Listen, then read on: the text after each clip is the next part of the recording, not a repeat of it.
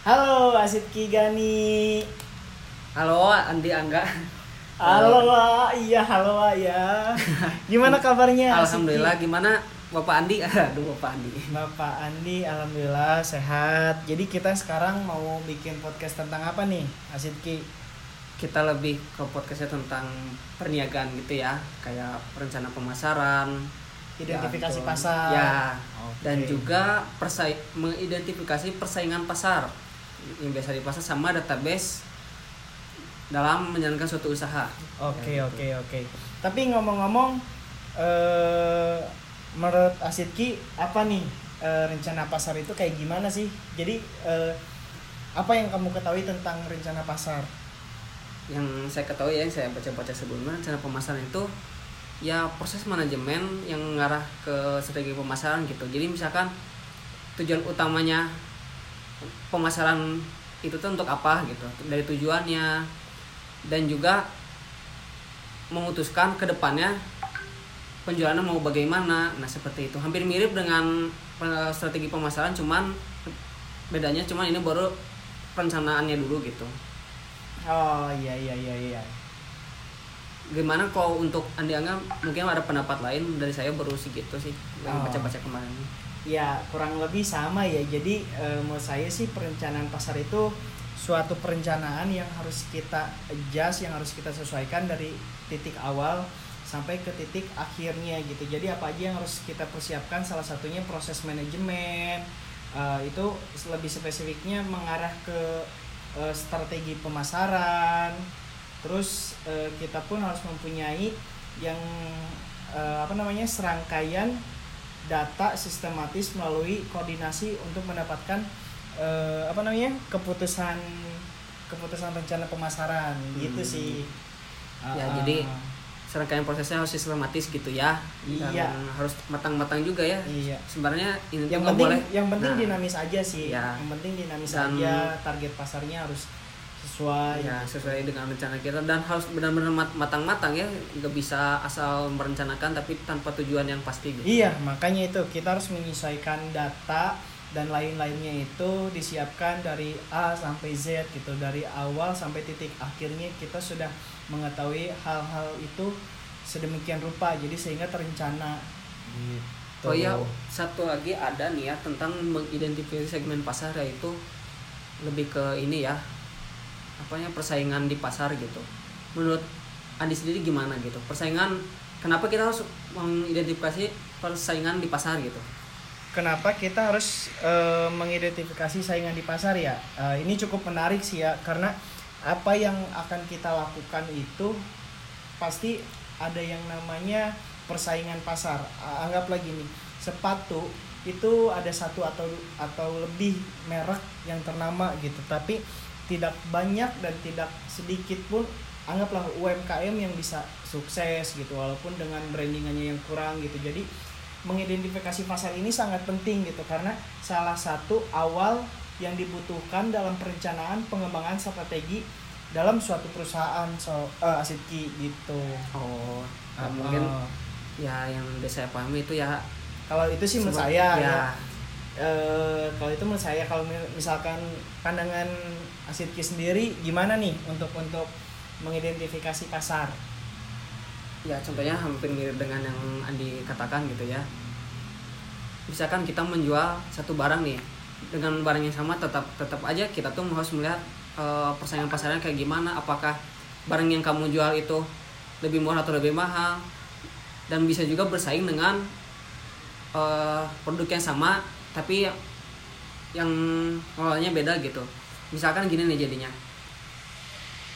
Misalkan men- menjual satu baju nih dengan eh, apa namanya dengan nama yang sama men- menjual gitu dan tetap, tetap aja misalkan untuk dari segi harganya mungkin beda atau persaingannya paling di situ dan rata-rata kadang orang memilihnya ini eh, ini lebih murah atau ini lebih mahal tapi juga belum tentu namanya juga persaingan gitu mau, mau murah atau ataupun mahal juga namanya juga persaingan pasar gitu Iya, maka dari itu kita balik lagi ke poin pertama ya Siti ya karena rencana pasar gitu. Jadi mungkin dengan produk yang sama tapi kita bisa menjual eh, lebih banyak karena harga kita lebih murah. Mungkin Iya. kayak gitu ya. ya gitu Penger- apa? pe- pengertiannya gitu Nah, terus apalagi nih kira-kira ya, situasi di sini yang menunjukkan konsumen itu banyak pilihan gitu. Ya tetap juga dari harga juga bisa atau dari segi kualitasnya sendiri meskipun dalam barang yang sama. Misalkan menjual contohnya kayak barang baru dan barang second yang belum dipakai kayak thrift gitu nih. Ah iya Nah, iya itu iya, mirip iya, kayak iya, gitu. iya. dari kualitas juga mengaruh. Misalkan dari ada yang ngejual barang nih baru harganya segini dan tetap aja pilihan konsumen misalkan ini ada yang uh, thrift murah gitu tapi kualitas sama ya beli itu nah di sini kita uh, yang namanya juga persaingan dengan pengusaha yang lain ya harus bagaimana lagi? Kamu harus tahu dan harus mengidentifikasi persaingan di pasar itu sendiri gitu. Iya, jadi kita pun mesti nyari segmen pasar sendiri ya Iya. gitu. Karena eh, ya yang tadi saya jelasin sepatu itu banyak gitu. Tapi kan segmentasinya beda ya. Walaupun kita kalangan anak muda milenial gitu nggak semuanya suka dengan sepatu A gitu. Ada juga beberapa eh, apa organisasi atau lingkungan sukanya merek yang B gitu. Hmm. padahal kalau misalkan kita melihat umur dan kalangan nongkrongan kita sama gitu ya. Emang betul sih kita harus mengidentifikasi pasar gitu. Terus kita sekarang mau ngebahas ini nih ngebahas yang ketiga. Poin ketiga itu database database itu kalau misalkan menurut Asitki apa sih? Database itu ya kayak eh, kumpulan informasi yang disimpan maksudnya data-data. Nah di sini tuh yang saya pahami itu yang lebih masukkan itu yang dalam perniagaan tuh ya informasi tentang yang bisa tadi juga yang kayak persaingan pasar gimana dan target marketingnya ke mana gitu. Iya, betul sih. Kalau misalkan menurut saya sih database ini sangat penting ya karena kita sudah mengsignifikasikan pasar. Anggaplah eh, anak mahasiswa gitu. Terus kita pun harus mempunyai database mahasiswa tersebut gitu. Misalkan eh, kita tahu nomor kontaknya atau kita tahu sosial medianya sehingga eh, kita lebih mu- lebih mudah untuk mengakses eh memberikan akses kepada mereka akan produk-produk yang akan kita jual. ya seperti itu Gitu.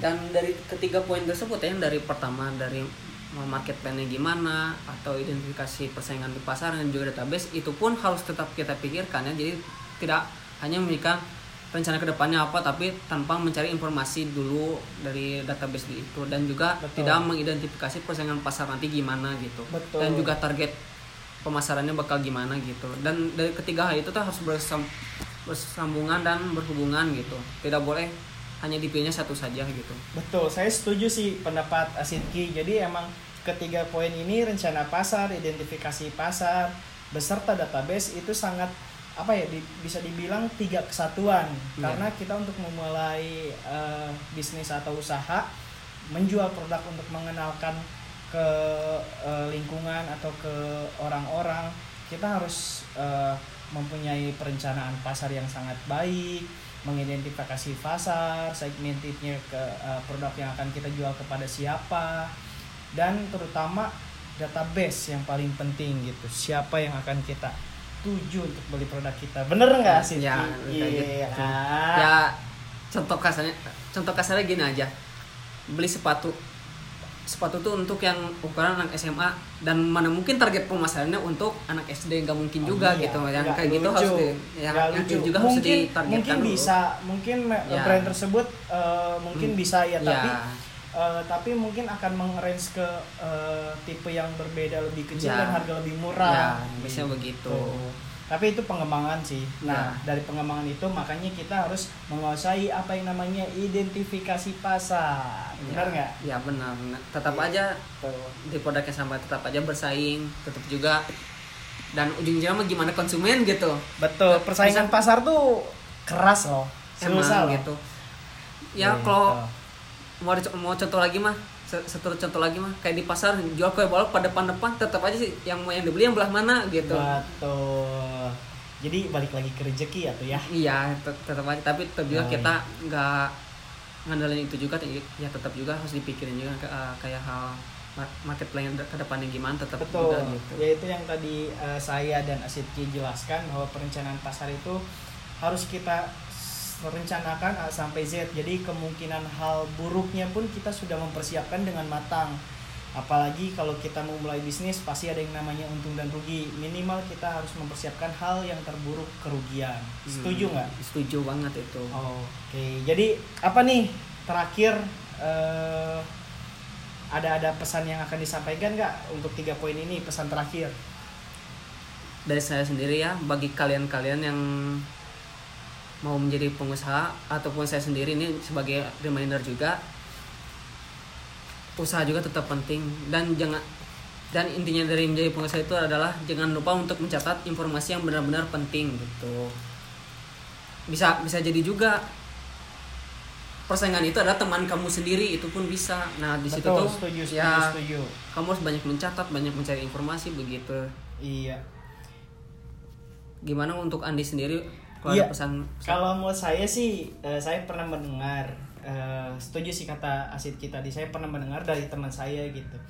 Mungkin usaha atau bidang skill yang kita punya bisa ditiru, tapi rezeki bisa, eh, tapi rezeki itu sangat berbeda Hmm, gitu. ya. Jadi saya akan akan percaya akan hal itu. Terus juga untuk kalian yang mau mulai usaha, saya punya tiga konsep yaitu eh, ATM amati, tiru dan modi- Ya. modifikasi gitu. Dengan hal itu kalian bisa meleburkan merefresh apa-apa yang sudah ada menjadi sesuatu yang baru gitu. tuh ya Itu sih itu kesimpulan kit- eh, saya dan Asidki. Eh, closing aja ya. closing aja udah Closing cukup aja paling. udah udah udah. Jadi terima kasih buat kalian yang telah mendengar podcast saya dan Asidki juga Oh iya, eh, nama podcast Asidki ini apa nih?